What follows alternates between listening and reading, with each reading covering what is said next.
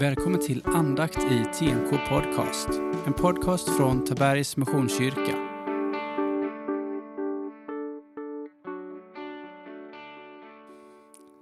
Välkommen till dagens andakt. Vi läser Johannes evangeliet 9, verserna 13 till 41. De förde mannen som hade varit blind till fariseerna. Det var på en sabbatsdag som Jesus hade gjort degen och öppnat hans ögon. Nu frågade också fariseerna honom hur han hade fått sin syn tillbaka. De, han svarade, han la en deg på mina ögon och jag tvättade mig och nu kan jag se. Några fariseer sa, mannen han talar om är inte sänd av Gud, han håller inte sabbaten. Men andra sa, hur skulle en syndare kunna göra sådana tecken? De var alltså oeniga, och därför frågade de den blinde en gång till. Vad tror du själv om honom? Eftersom han öppnade dina ögon. Han svarade att han är profet. Judarna trodde inte på att han hade varit blind och fått sin, sin syn tillbaka, så de kallade till sig den botade mannens föräldrar och frågade dem Är det här er son, som ni säger var född blind? Hur kommer det sig att han nu kan se? Föräldrarna svarade Vi vet att det här är vår son, och att han föddes blind, men hur, hur han kan se, nu det vet vi inte. Och vem som har öppnat hans ögon, det vet vi inte heller. Fråga honom, han är gammal nog, han kan svara för sig själv. Detta sade föräldrarna av rädsla för judarna. Redan då hade nämligen judarna kommit överens om att den som erkände Jesus som Messias skulle uteslutas ur synagogan. Det var därför som mannens föräldrar sa, han är gammal nog, fråga honom själv.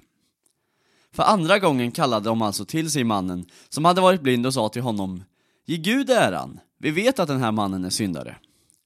Han svarade, om han är en syndare, ja det vet jag inte. Men det vet jag, att jag som var blind nu kan se. De frågade honom, vad gjorde han med dig? Hur öppnade han dina ögon? Han svarade, det har jag redan sagt er, men ni vill inte lyssna. Varför vill ni höra det igen? Kanske ni också tänker bli hans lärjungar? Då snäste de av honom och sa, du är hans lärjunge, vi är Moses lärjungar. Vi vet att Gud har talat genom Mose, men varifrån den här mannen kommer, det vet vi inte. Han svarade, ja det är det märkliga.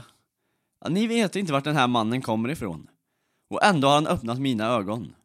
Vi vet att Gud inte lyssnar till syndare, men om någon fruktar Gud och gör hans vilja, då lyssnar han till honom. Aldrig förr har man hört att någon har öppnat ögonen på en som var född blind. Om den här mannen inte vore sänd av Gud, då hade han inte kunnat göra någonting. De eh, sa till honom, du föddes alltigenom syndig, och du ska undervisa oss. Och så körde de ut honom.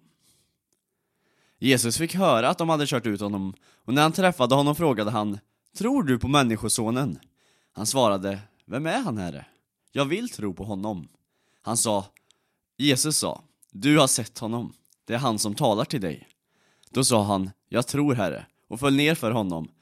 Och Jesus sa, till en dom har jag kommit hit till världen, för att de som ser ska, nej, för de som inte ser skall se, och de som ser skall bli blinda.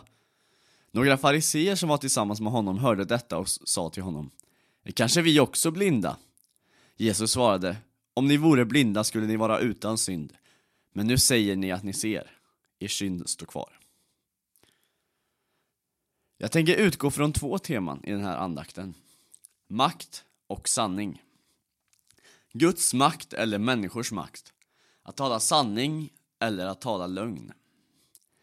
I förra avsnittet så helade Jesus en man som varit blind från födseln. När nu fariseerna får reda på det i det här avsnittet så ifrågasätter de det. Han helar på en sabbat. Alltså kan han inte vara från Gud. De ifrågasätter att Jesus har makten ifrån Gud. Men en del menar att en som gör något sånt här, han kan väl omöjligt vara utan Gud. Så är de alltså oense om det här. För att säkerställa det sig så kallar judarna till sig föräldrarna och frågar om mannen verkligen har varit blind från födseln.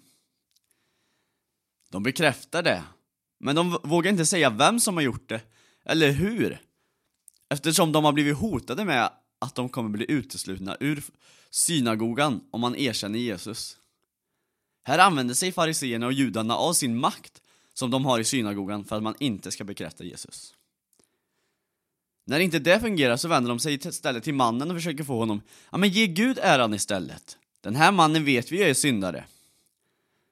De ber honom inte att ljuga, Men genom att inte säga vem det var som blev frisk, de försöker få honom att inte erkänna Jesus. Återigen använda sin makt. Men han svarar, om han är syndare vet jag inte. Men vad jag vet är att jag fick synen tillbaka.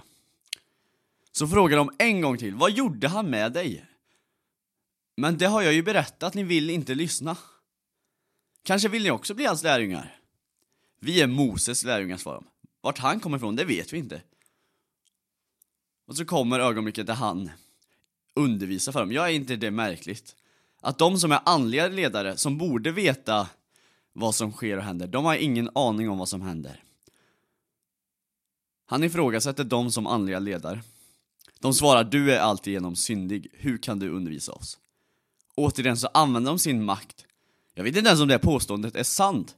Jesus hävdade i förra avsnittet att varken mannen eller hans föräldrar har syndat och att det är därför som han är blind. Så frågan är vem, som det, vem det är som ljuger. Är det fariseerna eller är det Jesus?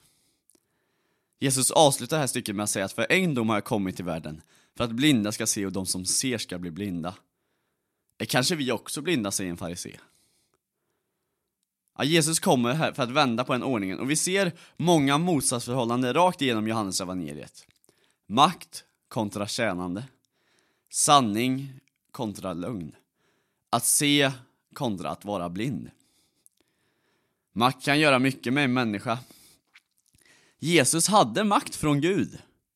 Men han utnyttjar inte sin makt mot andra människor. Nej, han går runt och botar andra människor och gör under.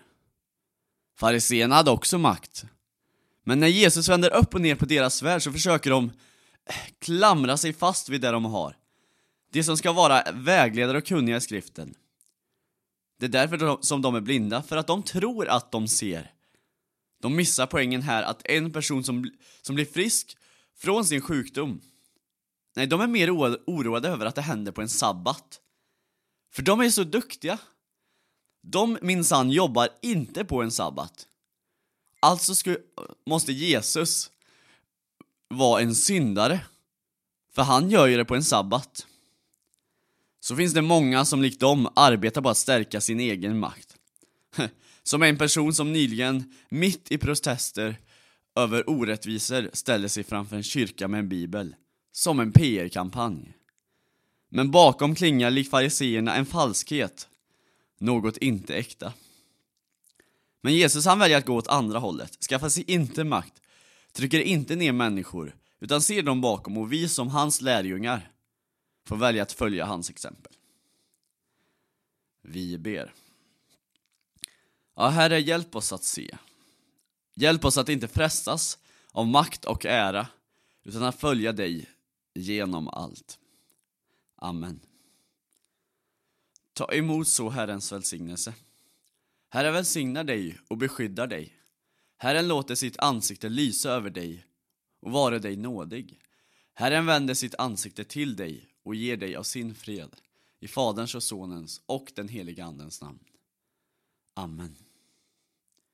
Så kan du få till dagens utmaning fundera på om du ibland likt fariseerna har förutfattade meningar om någonting som gör att du missar att se sanningen bakom.